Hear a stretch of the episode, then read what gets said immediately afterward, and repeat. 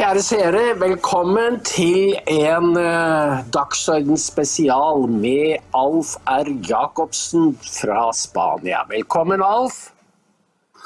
Hei. Nå har vi hatt to Hei. Nå har vi hatt to historiske hendelser tett på hverandre. Den første var Nordstrøm 1 og 2. Og den andre er da Putins tale i dag.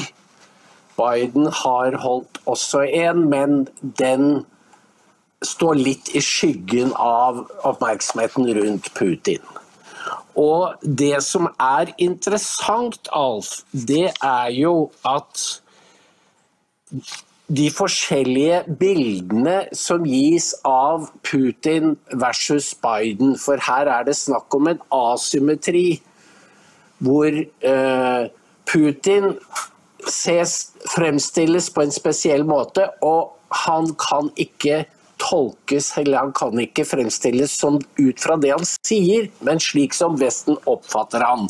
Men Vesten insisterer på å bli oppfattet slik de selv vil. Det er en stor forskjell på de to.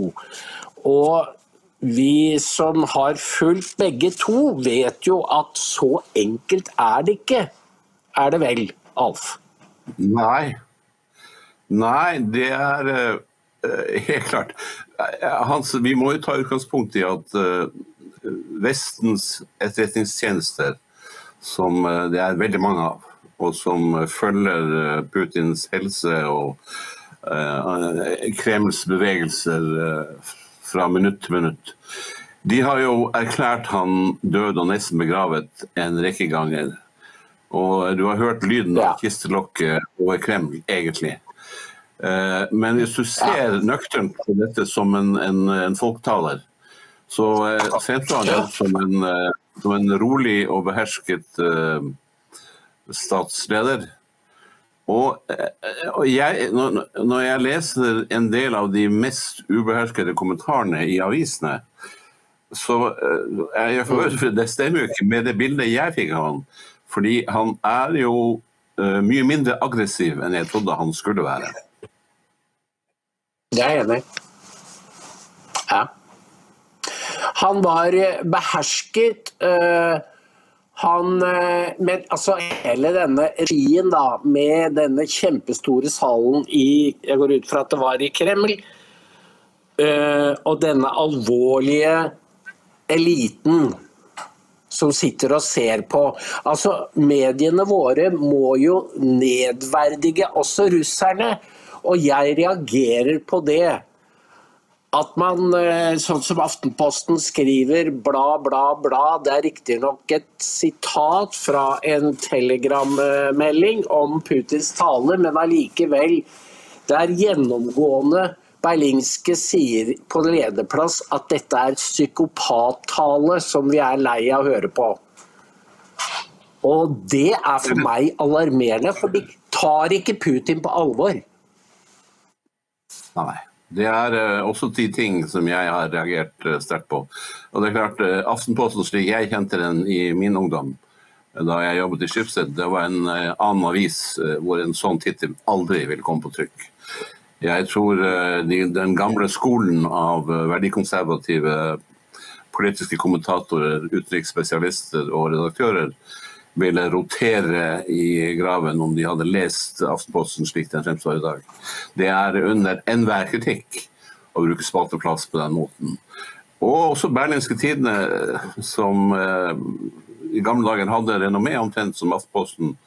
Eh, å kalle den talen for en psykopats tale er veldig langt fra hva det jeg oppfatter som psykopati.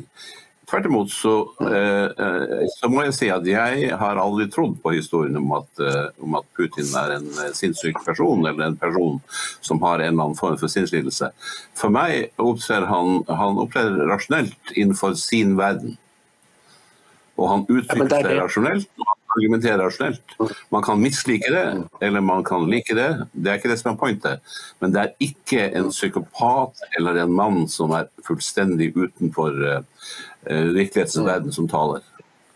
Og du vet Hans, ofte er det jo slik at vi som sitter i dette overbeskytta landet Norge, uh, vi ser verden uh, gjennom briller eh, som er farget eh, av, vår, eller av vår provinsielle tilværelse i verdens utkant. Mens du vet at denne talen ble sett av halvannen milliard indere. Den ble sett av like mange kinesere, den ble sett av hele den tredje verden. Og det er det som for oss er viktig å forstå, er at Putin blir nok oppfattet helt annerledes, det budskapet han kommer med, enn det vi tar inn over oss. Og da er det vi kommer fram til det som, som jeg tror er veldig viktig for folk å få med seg, at avisene som formulerer eh, seg på den måten som vi, de to eksemplene vi har tatt frem, og det er mange flere, eh, de er ute i et ærend. Dette er ikke en nøytral observatør av en tale, dette er en del av Vestens propaganda. Etter at de har snakket med sine kilder som står bak denne krigen, enten det er i eh, etterretningstjenesten, sikkerhetstjenesten eller i det politiske systemet som driver denne krigen. Det er sånn journalistikken fungerer, og disse er altså talerør. De er roperter eller klakører for noen andre. Og For dem er det selvfølgelig viktig å stemple Putin som en, en, en forbryter uh, uten noen form for uh, menneskelighet i det hele tatt. Og, det, det, og gjør, gjør, du det, gjør du det så, så, så frarøver du oss jo sjansen til å komme nærmere det som er, det som er problemet her. Vi er midt inne i en krig som koster daglig sikkert tusenvis av liv. Det er kvinner og barn. Det er folk som er uskyldige. Mange som lemlestes og som drepes. Og for oss er spørsmålet hvordan kommer vi ut av den? Når Vesten insisterer på å føre denne krigen videre, hva er det strategiske målet? Det er det vi må vite. Og hvilke midler skal vi bruke for å nå dette målet? Det er det, det er det, jeg ikke klarer å fatte. Jeg forstår ikke hva er det strategiske målet. Er det å befri Ukraina alene, eller er det et mer overordna politisk mål som består i å, legge, å, å tvinge Russland i kne? Sånn ser det ut for meg i dag. At vi har et overordna mål. Noen, noen, og jeg mener noen i Washington eller London, har laget på bakværelsene en plan som de ikke forteller oss om, og som de nå prøver å iverksette.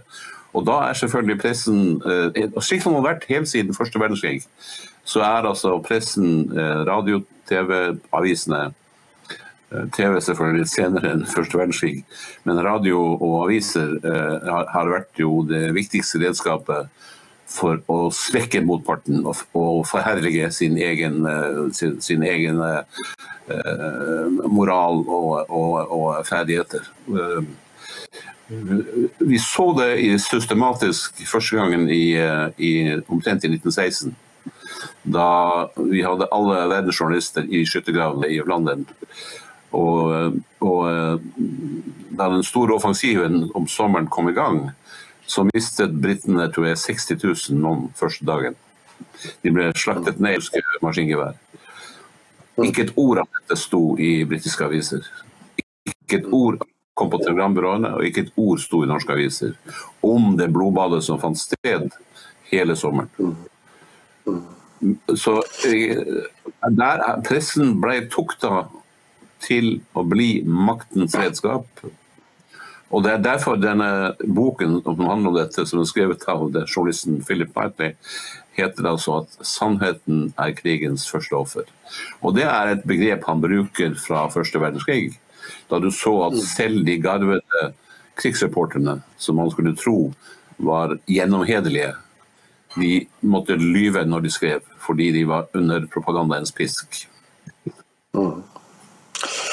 Du, eh, jeg hører jo Gro Holm er jo tilbake i Moskva, og jeg syns jeg hører et visst ubehag i hennes reportasjer. At hun må rapportere ting sånn som Marienlyst vil ha det. Eh, og at hun kunne sagt noe annet. Nå kan vi jo ikke lenger stole på det som hovedstrømsmediene rapporterer, selv når det gjelder spørsmål om krig og fred. Og Jeg skal gi et eksempel. Fordi Sist helg så var det jo sikkerhetskonferansen i München. Big deal. Alle var der. Også fire av våre statsråder. Og så står det her i i eh, Breitbart i dag at eh, Kaja Kallas, eh, statsminister i eh, Estland, hun er vel en av disse Young Turks som eh, Schwab har eh, utdannet, tror jeg. Hun sier jo da at eh, man må ha et rettsoppgjør i eh, Russland som minner om Nürnberg-domstolen, og nå må det for en gangs skyld bli en ny start for Russland. Og eh, de må ja, stilles til ansvar. Og det snakker, antydes vestlig okkupasjon av Russland. Eller i det minste slutten på den russiske stat slik som vi kjenner dem. Eh, Jeg mener, Steve Bannon har jo sagt hvis du sier til folk i, mens en krig pågår dere skal stilles for en internasjonal krigsforbryterdomstol, er det veldig sannsynlig da at de kommer til å kaste kortene eller våpnene og si ja, her er vi, still oss for en domstol, eller vil de bli motivert til å slåss? Jeg- syns det først og fremst er, er absurd at en, eh, at en eh, statsleder fra Baltikum eh, går ut og forteller at, nå, at krigens egentlige mål er altså en okkupasjon av Russland, som er verdens største land og har en uh, tusenvis av kilometer uh, lang grense til Kina.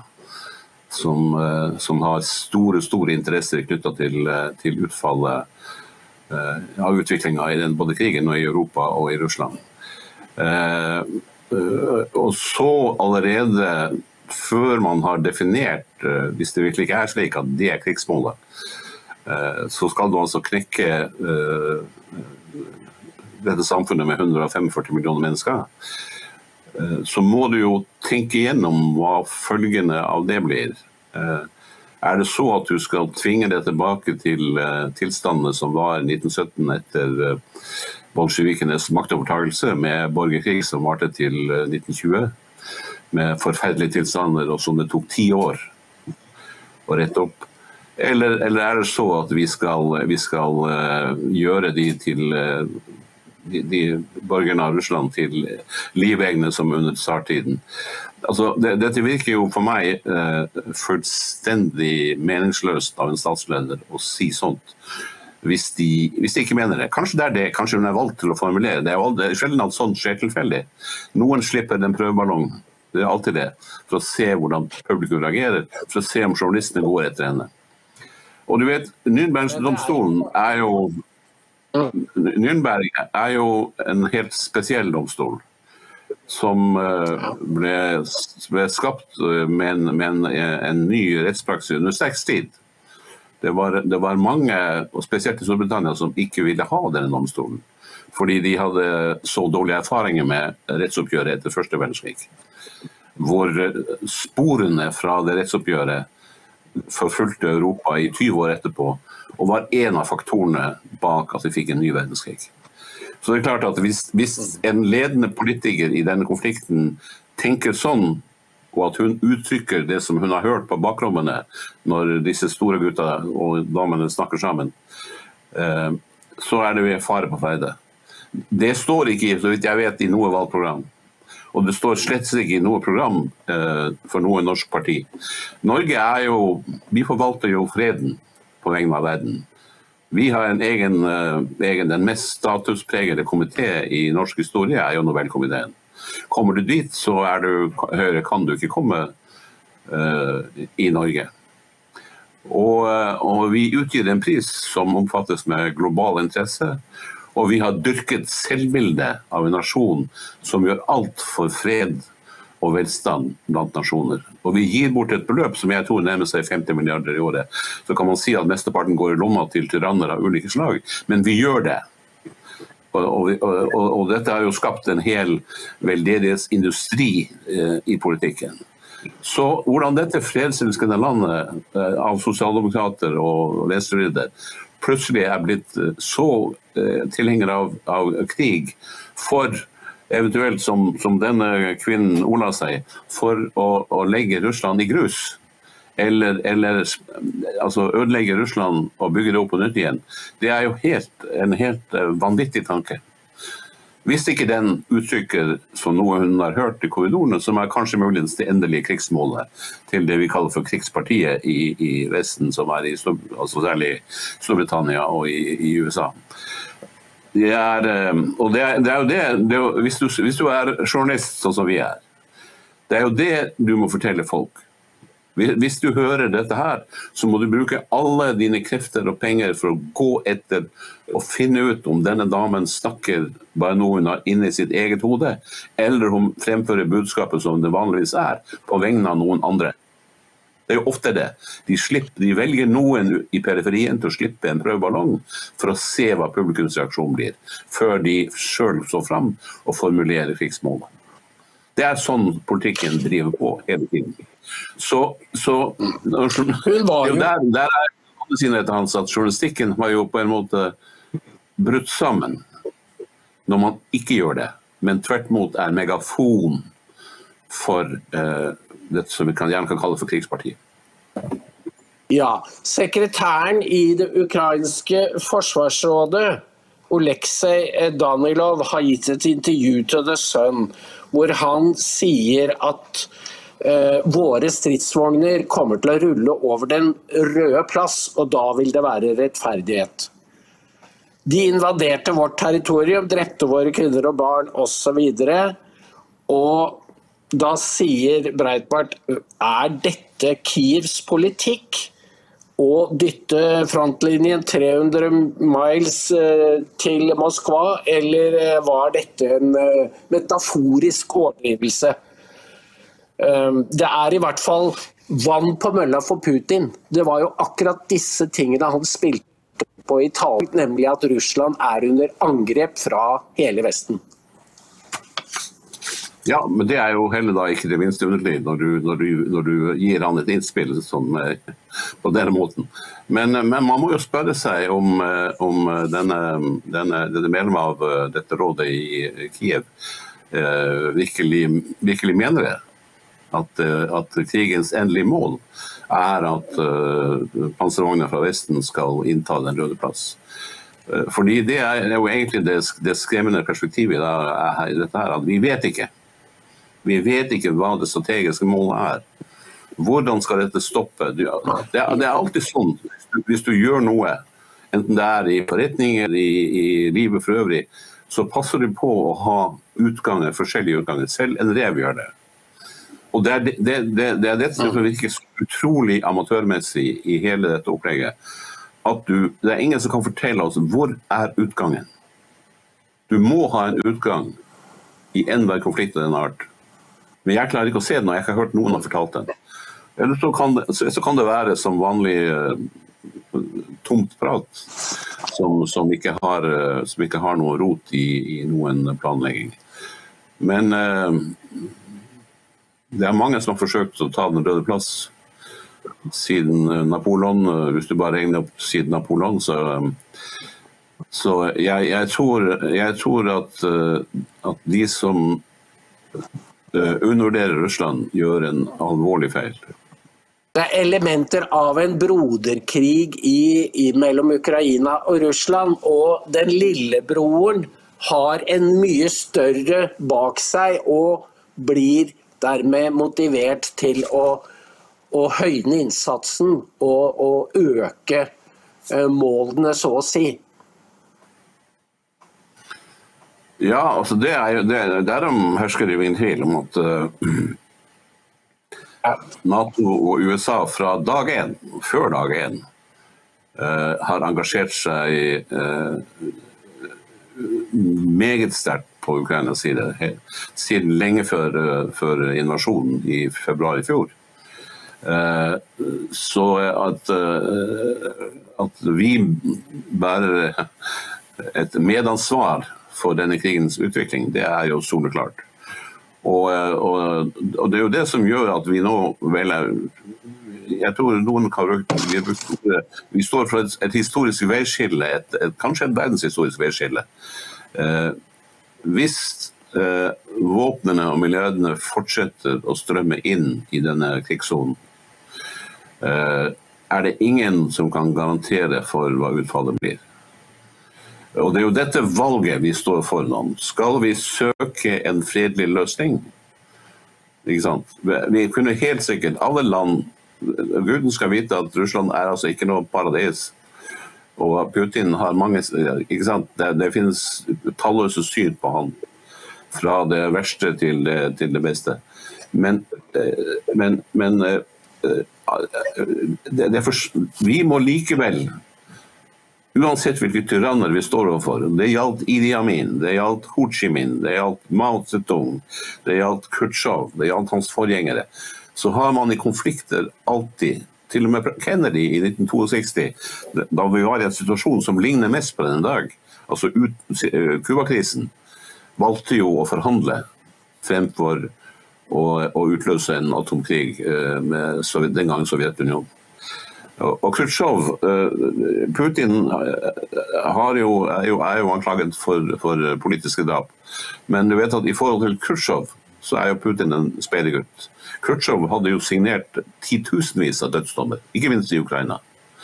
Så når en mann som Kennedy og hans administrasjon fant det klokest, til tross for de forholdene som var i Sovjetunionen, så er det klart at det er, det er, man kan ikke bruke det som argument mot å forhandle med Putin.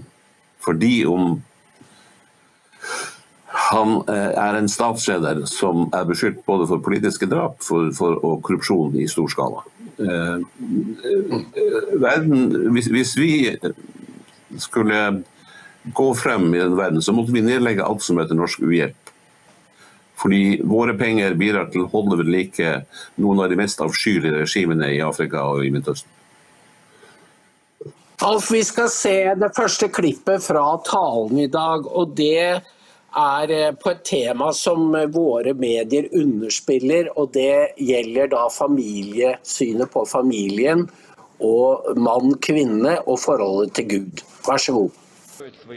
The Western elite doesn't conceal their goal is to uh, inflict a strategic defeat on Russia. What does it mean for us? It means to finish with us, to finish with us forever. They want to grow a local conflict into global opposition. That's the way we understand it. And accordingly, we will respond to that.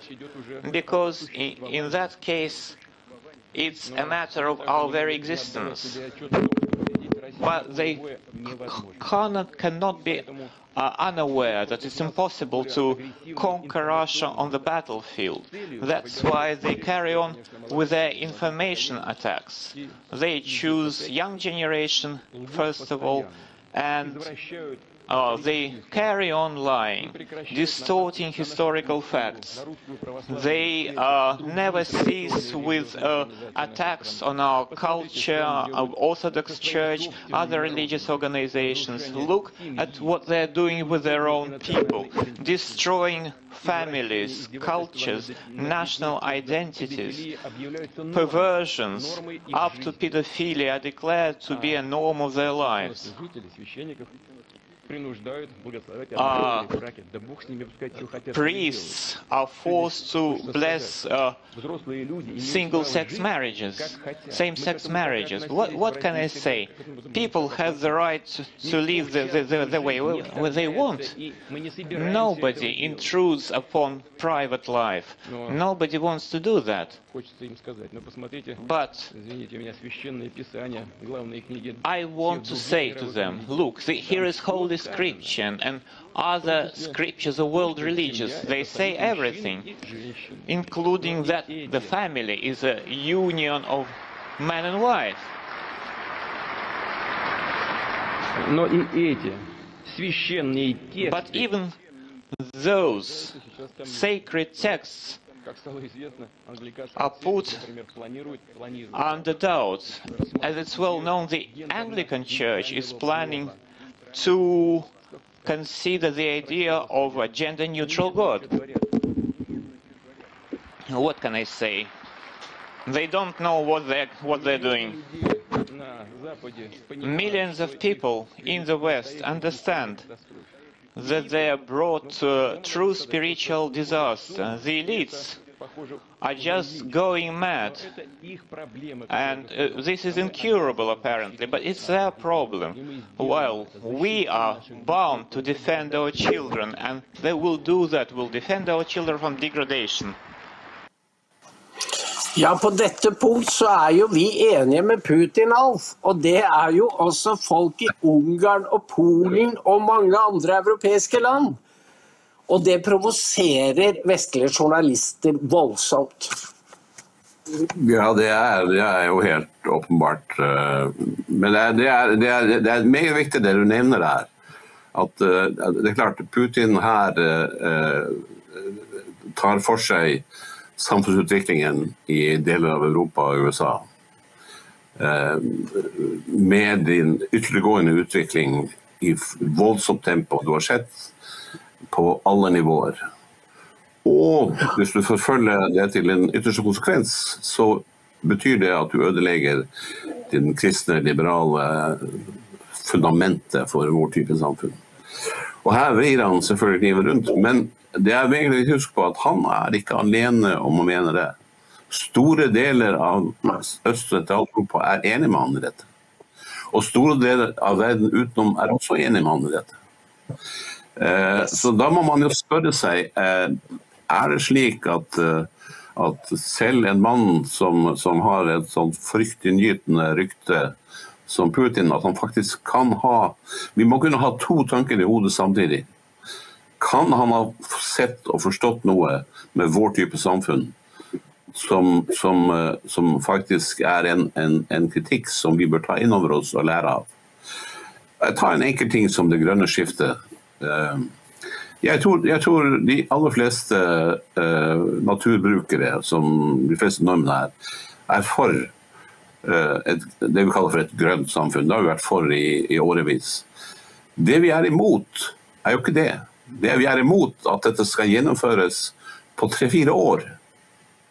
Noe som er absolutt og totalt unødvendig, og et politisk påfunn av verste sort. Fordi det betyr at du ødelegger alt det gamle, uten at du vet hva som kommer etterpå. Og dette skjer kun av én ting, for at de som driver dette framover, skal fremstå på den globale scenen som forbilde for resten av verden.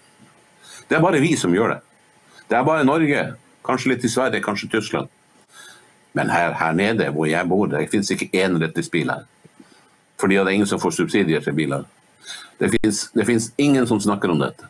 Det er kun, vær klar over det, det er kun i andedammen Norge at dette har tatt sånne, sånne ekstreme utslag.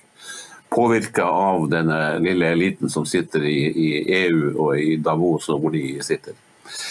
Eh, så eh, når Putin her blir knivrudd, så, så, så, så er det et signal til, også til oss. Er, det, er, er krigen drevet til syvende og sist av disse woke-kreftene? For at de er redd for det, det er et legitimt spørsmål når du er journalist.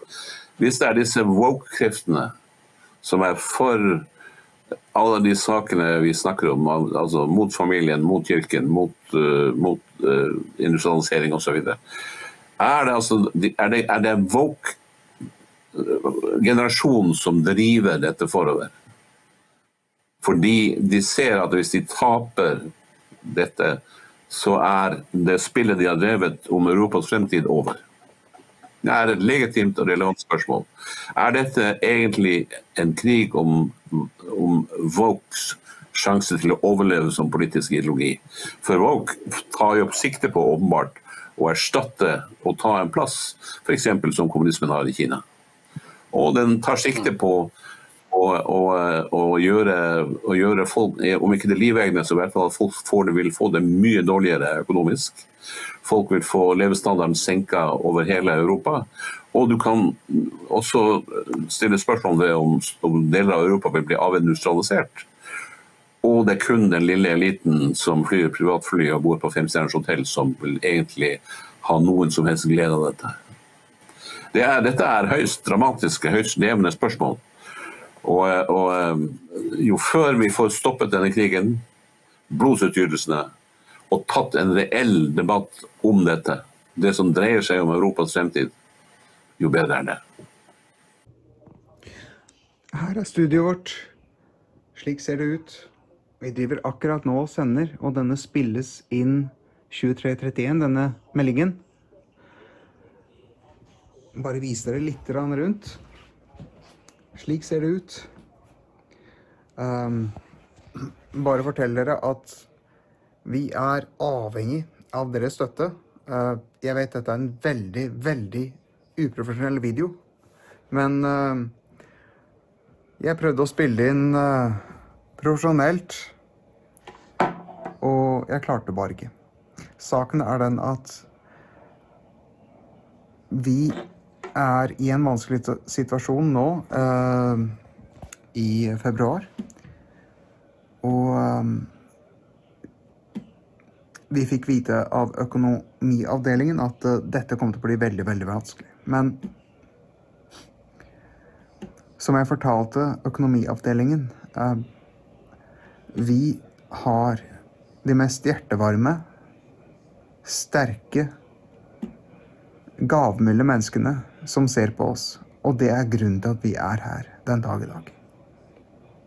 To år etter vi startet. Tenk på det. Dere. Dere skapte dette. Dette var det dere som var med på å lage. Dette pågår akkurat nå. Mens jeg står her og snakker med dere. Så jeg vil bare oppfordre dere fra the bottom of my heart, from the heart of my bottom. Vær så snill, de som kan, vær igjen. Dere må kunne, og dere må ville. Dere må ville, og dere må kunne. Uten de to, så bare del oss. Ok? Vi setter så stor pris på dere. Håper å se dere den 27. februar, når Gelius kommer. Kjøp billetter, så, så ses vi der. Um, jeg har ikke sovet en natt. Det blir mange søvnløse netter, men det er en del av gleden og grunnen til at jeg fortsetter. Og jeg håper at dere vil støtte oss. Og jeg setter veldig pris på at dere gidder å se på meg snakke. Nå tilbake til Alf og Hans. Takk for tålmodigheten, og takk for støtten. Du vet, da eh, Trump ble valgt, så spådde eh, Neil Ferguson, eh, historikeren, at USA kom til å alliere seg med Russland mot islam. Men slik gikk det jo ikke fordi den liberale pressen i USA var bestemt på å ødelegge Trumps presidentskap med Russiagate, og at han var i lomma på, på Putin, og de hadde hele sikkerhetsapparatet bak seg. Um, og har vi, nå har vi da havnet i den situasjonen at de har drevet Putin i armene på Kina. Og det vil du jo ikke høre av Philip Lote og norske medier, men det er jo det de har gjort. Og da, eh, da Trump hadde comeback-talen, så sier jo eh, Neil Ferguson nå kommer Trump til å vinne i 2024. Eh, Så, men da spørs det er det noe igjen av Vesten og USA om to år. Fordi nå virker det som om det brenner et blått lys for oss. Ja, altså vi får jo alle sammen samle oss i bønn om at eh, denne negative spiralen vi er inne i, at den eh, bremses nå, og at, vi, at folket, folket reiser seg og sier dette er nok. Uh, Neil Ferguson er uh, i min verden en, en, en klok og tenkende mann, og, uh, som også kan formulere de ideene han har. Og, eh, og eh, resultatet av den, det som skjedde i USA altså disse, Det er jo nærmest utrolig altså at du kan dikte opp, et parti kan dikte opp løgnhistorier om en sittende president ved å dra på ressurser som finnes i de hemmelige tjenestene. Dette er, Hvis du husker debatten i Norge om den femte tjenesten, den fjerde tjenesten, så er det jo det som har skjedd i, i, i USA. Hvor altså en, del av, en hoveddel av CIA, FBI og de andre har motarbeidet den sittende president. Som de har beskyldt for høyforræderi. Og så når det viser seg at dette er fullstendig usant, det finnes ikke fnugg av bevis, i stedet for å beklage, så fortsetter de kjøret i enda høyere tempo. Det, det, og det samme gjelder det grønne, det grønne skiftet. Tyskland, som jo virkelig er ille ute uh, i spørsmål om energi, og som har bygd sin, sin, sitt uh, moderne samfunn på eh, energi og gass, jo, er jo overtatt eh, av disse grønne, det, grønne gærningene. Og de er i ferd med å drive Tyskland eh, ikke over i fattigdom. Men Tyskland har jo også vært eh, banken til resten av Europa. Så hvis tyskerne nå virkelig avindustrialiseres, at de tyske, den tyske industrimaskinen opphører å eksistere, som har vært lokomotiv i Europa i 100 år, og de må kalle inn sine lån til Sør-Europa osv., så så det er klart at, at vi kan få en, en, en, en finansiell krise, også som følge av pengetrykkinga etter 2008 som vi, ingen av oss aner dimensjonen av. Så, så eh, det kan godt hende at du har rett, at vi, det brenner blått lys. Jeg tror, jeg er enig med deg, jeg, jeg tror at disse, disse, månedene som går fra nå og til høsten 2024, vil bli veldig avgjørende for hvordan USA, Europa og verden skal se ut i det neste år. Her er det åpenbart to ideologier som står mot hverandre. Og jeg vil si at Den ene er åpenlyst og forteller hva den står for. Troen på de liberale verdiene som Europa har stått for eh, alltid i moderne tid. Og den andre opererer fordekt. Og, men man vet ikke, med kanselleringer, med aksjoner osv. osv. Men man vet ikke helt hva er sluttresultatet. De forfølger mål, men hvordan ser målet ut? Når de plasserer Leif Eriksson i kjelleren på Nasjonalmuseet, hva er det de vil oppnå egentlig? Det er bare én liten del, men hvis du legger alle disse tingene etter hverandre, så ser du at dette er en ideologi som arbeider. Men hva er målet? Det er det vi må vite. Og, må, og det er slik i demokratiet hans at vi skal stemme over dette. Så, så partiene må sette i sine programmer. Vi setter Leif Eriksson i kjelleren fordi han er uh, hva? Det er det de må gjøre. De må fortelle folk rett ut og slutte med løgnene. Men denne woke-ideologien er totalitær, og den har det til felles med den kinesiske kommunismen at den ikke tolererer andre syn. Den vil være enerådende.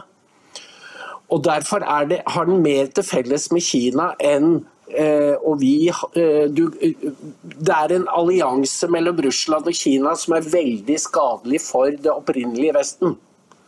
Og Det du hører bli sagt nå, er jo at Russland er en kristen nasjon. At det er en stor tragedie at vi har havnet i krig med, med, med Russland.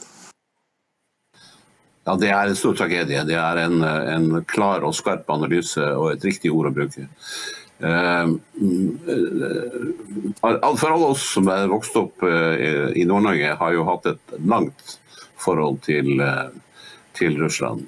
Og et, og, et, godt naboskap med perioder og svingninger. Min egen far snakka jo den, den, dette spesialspråket som ble brukt, fordi uh, lodjene kom jo med korn fra Nordvest-Russland som de bytta med fisk i, i havnene i Nord-Norge. Og Min far var en av dem som, som kjøpte korn og, og solgte i bytte mot fisk. Og, eh, og, eh, Jeg er vokst opp i mitt hjem med, med disse begrepene kartanka, som er fotøy, som er henta fra dette kauderivelske, kaudervelske, norsk-russiske eh, språket som fant, eksisterte fram til på mortiden tok slutt etter bolsjevikenes maktovertakelse. Eh, det er, det er jo én side at vi alltid har hatt et godt forhold, men den andre siden er det at vi eh, Annen verdenskrig er nå 70 år borte. Men vi eh, og selv om vi eh, kan eh, kjegle om hva Stalins mål var med Skandinavia, og hva hans ambisjoner var etterpå, så eh, er det noe vi, vi ikke kan glemme. Og det er den rollen Russland spilte i å redde eh, Europa fra eh, nazismen. Som er eh, et av de mest avskyelige politiske regimer som noen har funnet på, og som, som altså kostet kanskje 50 millioner liv. Og husk på det at Russland, det fattige Russland, og de hadde, folket i Russland, hadde ingen grunn til å elske Stalin. Stalin hadde nesten tatt folk fra hver eneste familie som enten var henrettet eller sendt i Gulag. Men likevel så var det Russland som betalte prisen i blod, og de hadde altså 27 millioner falne i, i de væpnede styrkene. Det er tall som vi ikke kan overse. At vi står i en slags historisk gjeld til det russiske folk, som når det kom til stykket, tok opp kampen mot nazismen. Eh, og du så det på nordfronten, på grensen til Norge, hvor de hadde en divisjon som ikke var kampklare, og en annen divisjon som i det alle besto av politiske fanger. Og de holdt stand altså, mot de best trente av Hitlers mest nazifiserte tropper. Under general Dietl, som, hadde vært, som var medlem av nazipartiet før Hitler sjøl. De sto imot, og redda dermed Murmansk som konvoihavn, slik at amerikanske eh, matvarer og krigs, eh, krigsmateriell kom fram. Eh, Så når vi tenker om Russland, så er vi, vi, vi kan ikke glemme disse delene av historien som, som viser at vennskapet og, og samarbeidet med Russland, selv om, om, om den, Russland den gangen var i bolsjevismens grep, eh, så klarte vi å samarbeide. Og det er klart, vi, har, vi i Norge har eh, samarbeid, hvis du ser på fiskeriene så har vi jo gjort noe massivt dumt ved å begrense den russiske flåtens adgang til, bare tre havner i Norge, i Nord-Norge. Eh, eh, fordi at vi har jo klart det kunststykket som mange andre i mange nasjoner ikke har klart. Vi har nemlig noen av de rikeste fiskebestandene i verden. Og rundt 1970, mellom 1970 og 1980, den, den perioden, pga. at torskefisket i Canada brøt sammen på de store bankene, så flytta den internasjonale flåten til Barentshavet, hvor, hvor torsken vokser opp, og begynte et råfiske uten like. Og kvotene var jo på et, nivå, på et, på et tidspunkt så lave at mange trodde at eh, også den norsk-ektiske torskstammen var i ferd med å gå i oppløsning.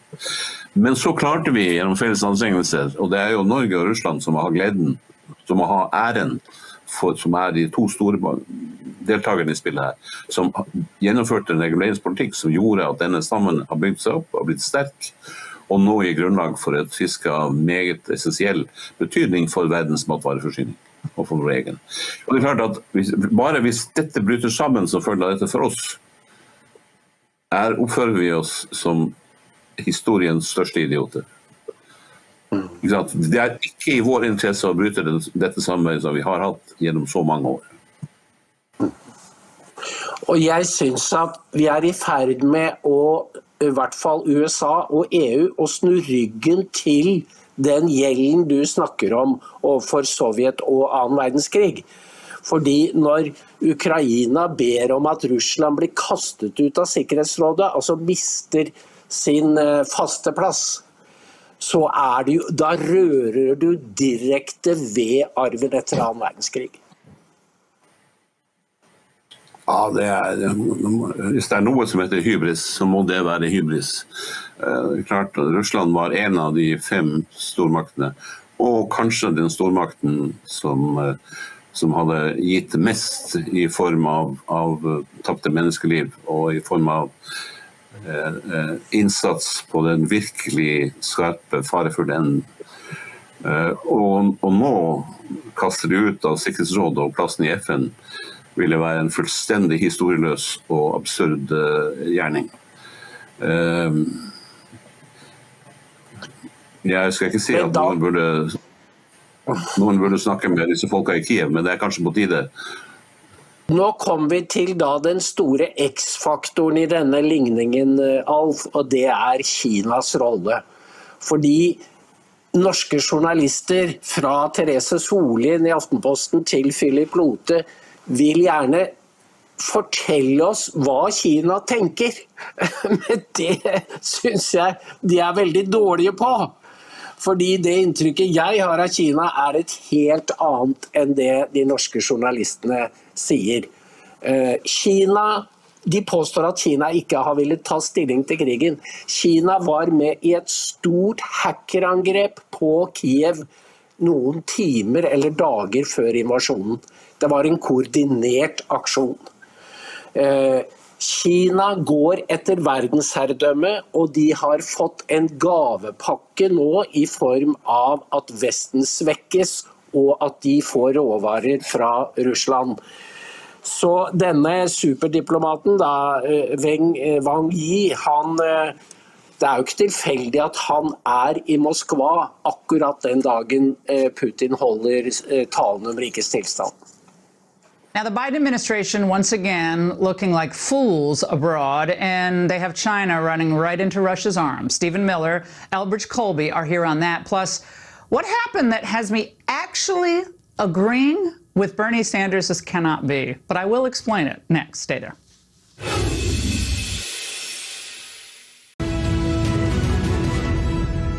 You and all Ukrainians, Mr. President, remind the world every single day what the meaning of the word courage is. Remind us that freedom is priceless.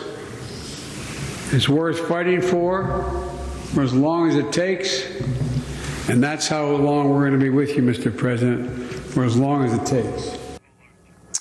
There's that phrase again, as long as it takes. Well, today we saw Joe Biden doing his best performance art, proxy war style, pledging a half a billion dollars more for a country that is not a NATO member, as the nations right on its doorstep are nowhere near paying its fair share, to use one of Biden's favorite phrases. So, as we drain our coffers at home on another undeclared war, our real adversary is mocking us with impunity. China rapped on Tony Blinken today after he tried to play tough with all the Chinese after reports that the communist regime was considering sending lethal aid to Russia. It is the U.S. who kept providing weapons to the battlefield, not China. The U.S. is in no position to tell us what to do, and we would never accept its finger pointing and even coercion and pressure on China Russia relations. We never accept any bossing around, coercing, or pressure from the United States on China Russia relations. Kineserne er smarte, du. De vet akkurat hvor, hvor sårbare USA er. Dere skal ikke lekse opp for oss om å levere våpen. Altså, eh, å, å, å se denne kinesiske utenrikspolitiske talsmannen sammen med en, en, en, en, en av de største lettvekterne som hadde makt i USA, nemlig Anthony Blinken, som har gjort den ene dumheten etter den andre gjennom hele sin karriere, eh, er jo en demonstrasjon av et av de mest eh, klassiske trekk ved denne konflikten. At vi har fullstendig undervurdert den støtten og de markedene Russland har klart å opparbeide eh, både i Kina. Og Kina er land, hvis vi undervurderer Kina nå igjen, så er vi igjen en historisk tabbe. For kineserne er klart at de er smarte, men de er også dyktige og de er hardt arbeidende. Og de er langsiktige. Mm. de, men det er også det samme. Han har jo lyktes å få med seg India, som nesten er like store. Det er masse andre land i den tredje verden som støtter, eh, og som nå også får kjøpt, som følge av det, får kjøpt billige råvarer. Så, så de er også det det er ikke bare det at de har stått imot sanksjonene, som først og fremst rammer Europa og oss sjøl, men de utnytter jo sanksjonene til å skape politisk goodwill, og ikke minst sende billig energi utover hele verden. De selger jo nå olje og gass langt sikkert under de prisene vi, eh, vi tar eh, fra europeerne. Så eh, karakteristikken som ble brukt her, at vi dummer oss igjen ut. altså Vi dummer oss ut fordi at de som leder dette, har altså ikke tenkt gjennom hva de skulle gjøre, hvordan de skulle gjøre det, og hva sluttmålet skulle bli. Og vi sitter igjen til slutt med en kjempesvær regning som ingen vet hvordan de skal dekke. Og, og de som rolig kan se på dette utfolde seg, er selvfølgelig Kina og, og andre land som eh, til slutt vil, eh, vil eh, dra nytte av situasjonen eh, eh, om hvem som skal ha hegemonien i den, i den fremtidige verden.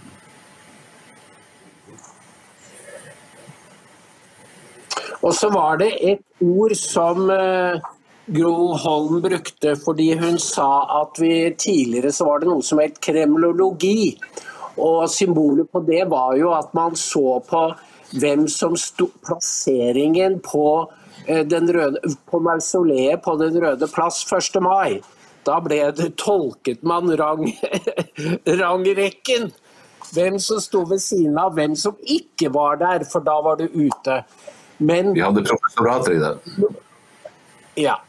Men nå er det faktisk Vesten hvor du kan anvende kremlologi. Fordi vi er ikke lenger de vi utgir oss for å være. Vi er noe annet. Og India, Kina og Brasil og Sør-Afrika, disse landene som er kritiske til Vesten, de ser det.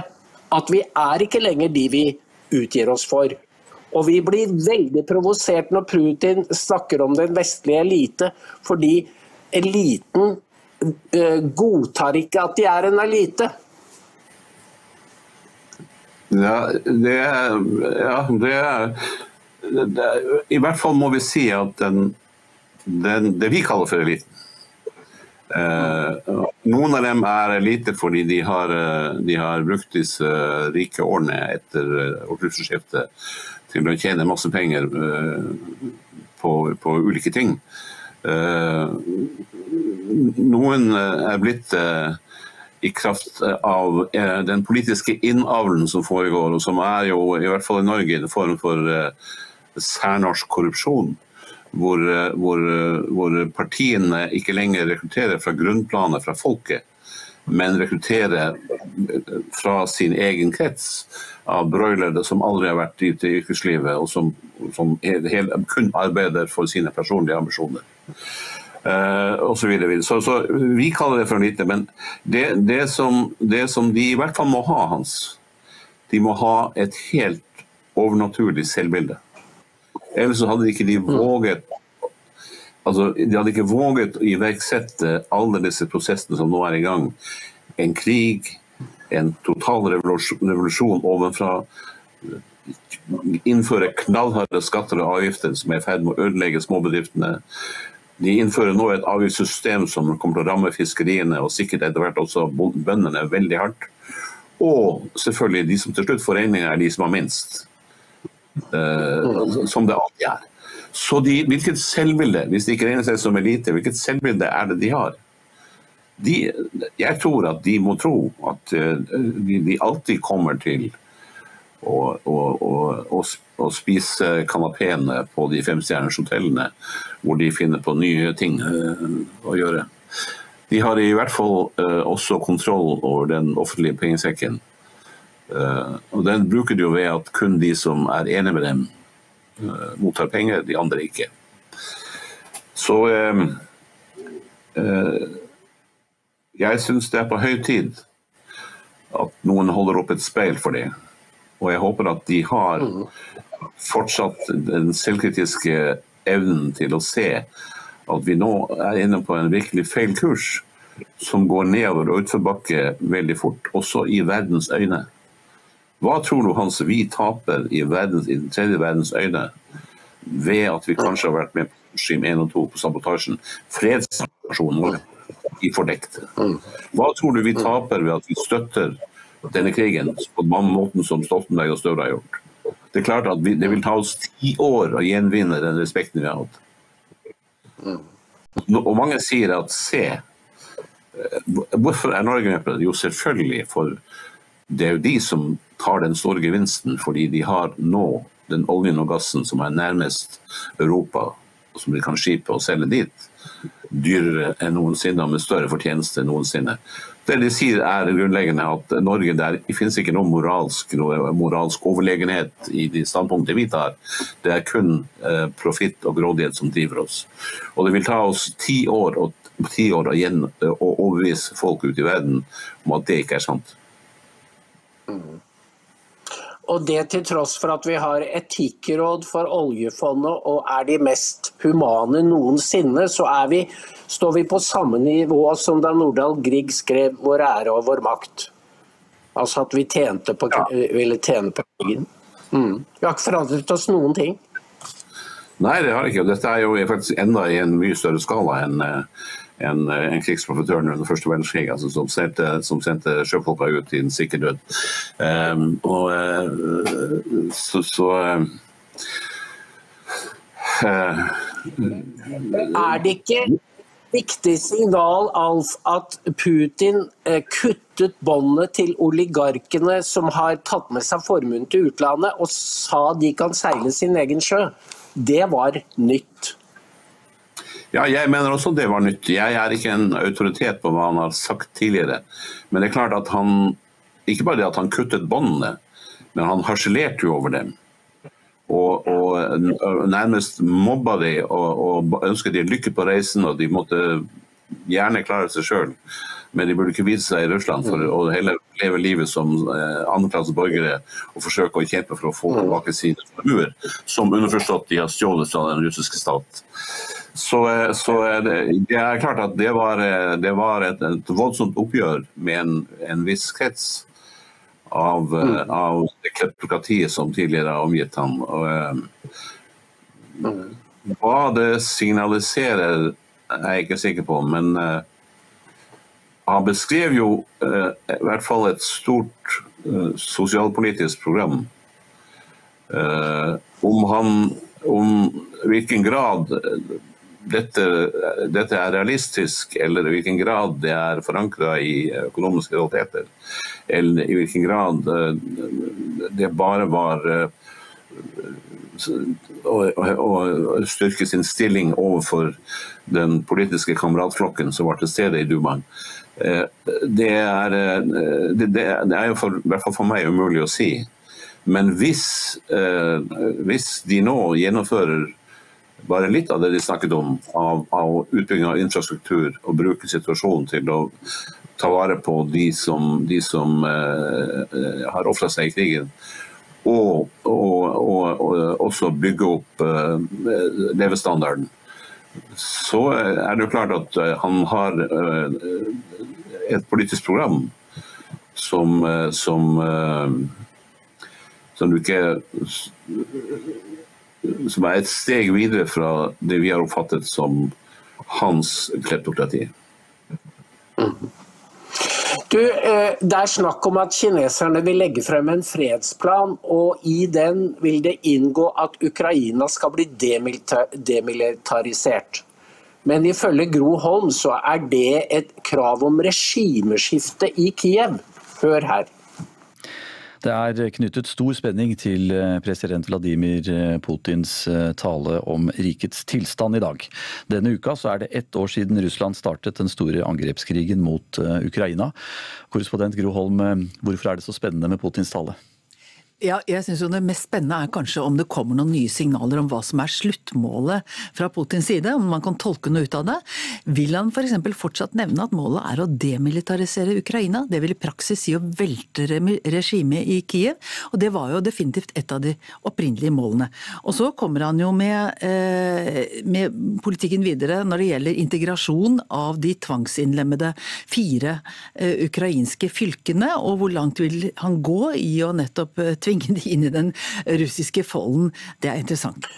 Men Alf, vil ikke en løsning i, som er et kompromiss for freden, må være et kompromiss, innebære Russland får beholde Krim, det må bli folkeavstemninger i disse fylkene i øst. Er ikke det nokså opplagt at det er en utgang ut fra tidligere konflikter? Jeg, jeg er nødt til å være helt ærlig med deg, Hans. Gro Holm var jo i, en av de sentrale i Dagsrevyen da jeg var redaktør for Brennpunkt. Og eh, for å si det helt ærlig, så har jeg et meget anstrengt forhold til, eh, til henne. Både som eh, fagperson og som journalist. Hun var den gangen, som hun selv sa, altfor nært knyttet til, til det politiske liv.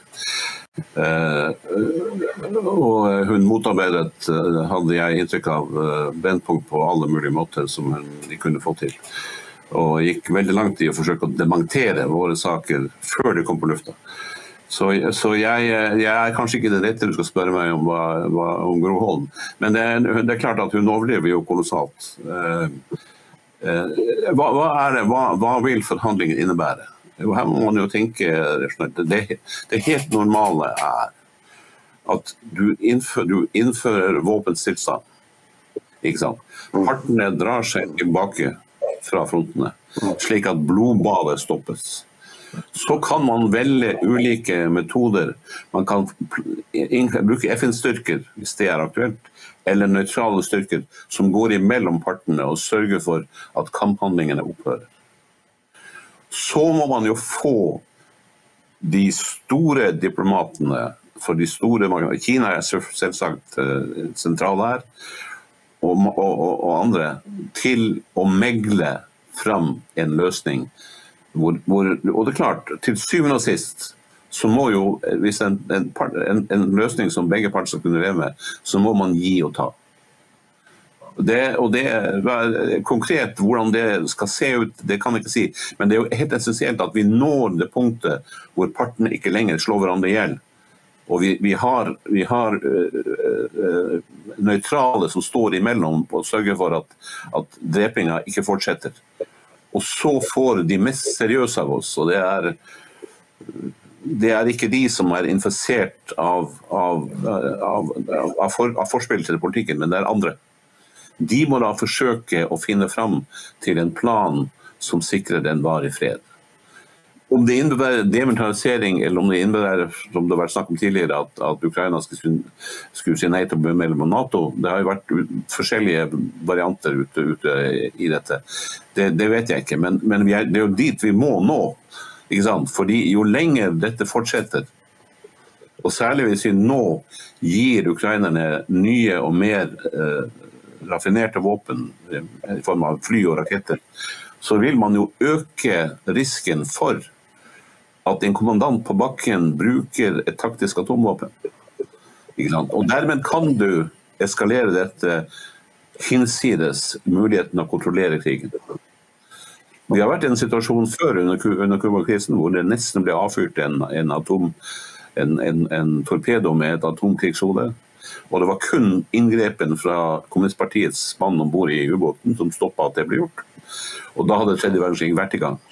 Så det, det, skal bare til at en hissig kommandant som blir det store tap, som har tilgang til et arsenal av, av, av, av uh, kjernefysiske våpen, mister besinnelsen, så eh, kan vi ta steget over i Selverstedtsen. Så derfor er det jo Jeg mener at hvis du, hvis du fulgte talen, hele talen til Putin, så var det egentlig hans manglende aggresjon og det noen kaller for bla, bla, bla, altså hans uh, tilbakevend til den gamle retorikken han har brukt mange ganger, uh, er jo ikke uh, et uttrykk for at de kan tenke, men det, jeg, jeg, mener jo at han inviterer til forhandlinger. Mm. Riktig, David. Eh, det er også en annen ting som, som jeg syns er slående når man ser på journalistenes dekning. Uh, altså Vesten har jo nå i de senere 20 år en lang, en lang erfaring med krigsinngrep, spesielt i Midtøsten. Først i Afghanistan og så i Irak. Og den amerikanske taktikken har jo alltid vært det man kaller for shock and awe. Man har gått inn med, med bombeflyene og cruisemissilene, og så har man lagt uh, jorden flat med svære tap av menneskeliv. Og så har soldatene kommet etterpå. Det er jo det, uh, hvis du skal være helt nøktern og ærlig, det er jo det uh, omvendte av den russiske taktikken som det også har fått, egentlig har fått svi for. Det er jo at de gjorde ikke det. De brukte ikke sjokk and. De trodde altså de antakeligvis feilbedømte situasjonen og trodde det ville bli enkelt. Men de, de brukte altså ikke sjokk nå. Så sier noen analytikere at det var selvfølgelig for å spare menneskeliv. Jeg, kan, jeg, vet ikke svaret på det, men i hvert fall så, så, ville det ha sett mye verre ut hvis de hadde gått inn med full styrke fra dag én, slik som vi i Vesten har for vane å gjøre. Som vi gjorde i Kabul, som vi gjorde andre steder. Nå som man må dømme Putin, så må man også bedømme det. Han har eh, selvfølgelig holder de ting i reserve, fordi eh, hvis disse, disse, som du har referert, eh, ønsker eh, å, å, ha panservognene sine på Den røde plass og legge, og legge Russland i ruiner, så det er klart Han må holde tropper i beredskap for den situasjonen. Og Det inkluderer flyvåpenet, som vi knapt har sett over Ukraina. Så det er klart at, at, at den som tror at de russiske reservene er brukt opp, tar massivt feil. Og Det er jo det forsvarssjef Kristoffersen er inne på, må ha uttalt seg, og flere nå i etterretningstjenesten som sier at vi må ikke undervurdere. Det er på høy tid at de begynner å si det. For det de sier nå er politisk ukorrekt. De har, vært, de har altfor lenge vært politisk korrekt og sluttet opp om det de ble fortalt, eh, de budskapene som er formulert. eh, Og det aller meste av kjernetankene kommer ut fra denne kretsen som driver det demokratiske partiet i USA, som ikke lenger er demokratisk. Skal jeg komme med en spådom om hvordan dette kan komme til å ende? Kina ønsker å vise seg som den suverene spiller som behersker hele scenen. De vil komme med et fredsutspill, og det vil være så vanskelig å motstå for USA. Og Kina vil få støtte fra India og andre stormakter, som Brasil, eh, Sør-Afrika. Og da vil USA risikere så mye prestisje hvis de sier nei. For da vil de fremstå som den aggressive. Og vinneren vil være Kina. Det er min spådom. Jeg, jeg, kommer ikke til å motsi, en fremstående redaktør, det vet du Hans. Jeg er altfor gammel i rev i dette spillet. Du får siste ordet. Nei, men jeg, jeg, jeg, tror du er en klok mann, og jeg tror, tror La oss se. Men, men, men alt, alt, kan jo se ut som at det vil ende. Og hvis kineserne i, i Beijing er altså så langsiktige og så kløktige som de som regel er, så er, jo, så er jo dette en, en, fantastisk Hvis de finner løsningen, så er det klart at det vil gi dem et fantastisk prestisje i den nye verden vi må se. Så la oss se. Jeg, jeg, jeg, jeg håper du får rett. Jeg håper, jeg håper, det blir slutt på blodbadet, slik at vi får, gjenreise Europa. Og at det betyr at, at denne revolusjonen ovenfra også blir stoppa før Europa ødelegger seg sjøl. Fordi hvis Kina fremstår som den store reddende engel, og vi har sørga for å legge Europa i ruiner, så er vi de neste. Tror jeg. Da sier jeg tusen takk for i kveld, og for en interessant samtale nok en gang, Alf. Takk skal du ha. Takk i like måte.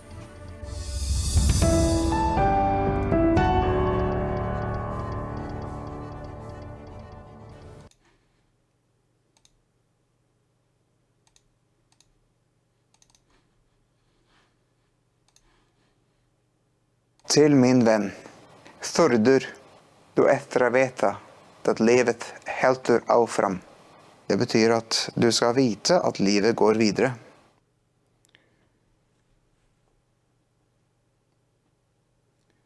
Og til min kjære venn som ga i kveld. Tusen hjertelig takk. Det betyr veldig mye.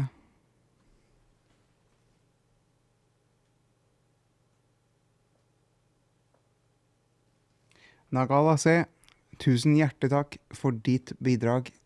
Kjære venner, gi det dere kan, så vi kan vise mainstream media hvem som virkelig står for sannheten. Det er oss. Nå over til Rebekka. Neimen, hei! Har du også antistatlige holdninger?